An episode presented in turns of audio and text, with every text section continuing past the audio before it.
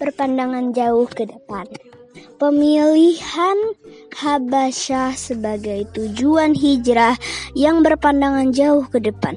Habasyah di, dipilih dengan pertimbangan bahwa Najasyi atau Raja Habasyah adalah penguasa yang baik.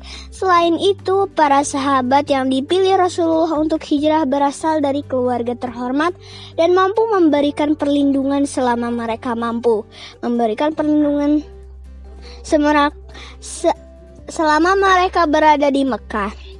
Hal itu men, menyer, menyirah kan bahwa alasan perintah hijrah ke Habasyah lebih karena karena keinginan untuk mencari lahan dakwah yang baru bukan sekedar ingin mencari perlindungan perjanjian.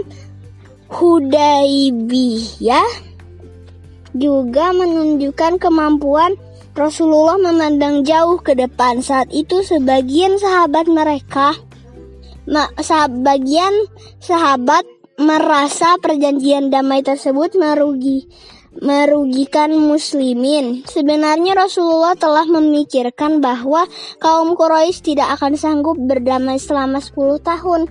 Kalaupun sanggup dalam waktu 10 tahun, Quraisy tidak akan mampu mengembalikan kekuatan dan per, per, per, perekonomian. Mereka sedangkan umat Islam akan jauh lebih banyak dan lebih kuat dibanding dengan Quraisy.